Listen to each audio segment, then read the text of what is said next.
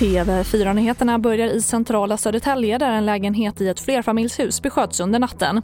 Flera personer befann sig i lägenheten som träffades av skotten men ingen kom till fysisk skada. Händelsen rubriceras som mordförsök men ingen är ännu gripen. Och I Miami i delstaten Florida har myndigheten infört utegångsförbud mellan klockan åtta på kvällen och sex på morgonen efter att tiotusentals studenter från hela USA trots pågående pandemi rest till Florida under vinterlovet för att festa under den så kallade spring break. Utegångsförbudet gäller fram till den 12 april.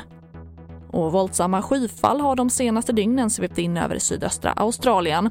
Värst drabbad är regionen runt Sydney och hittills har nära 20 000 tvingats lämna sina hem. Och det beskrivs som de värsta översvämningarna på över 50 år. Och vi avslutar här hemma med att berätta att slänga tuggummi-fimpar eller godispapper på trottoaren kan i framtiden bli en dyr historia. Åklagarmyndigheten ger nu tummen upp för miljödepartementets förslag om att den typen av nedskräpning ska ge böter. Redan idag är det förbjudet att slänga till exempel fimpar utomhus, men det ger inget straff. TV4-nyheterna, jag heter Charlotte Hemgren.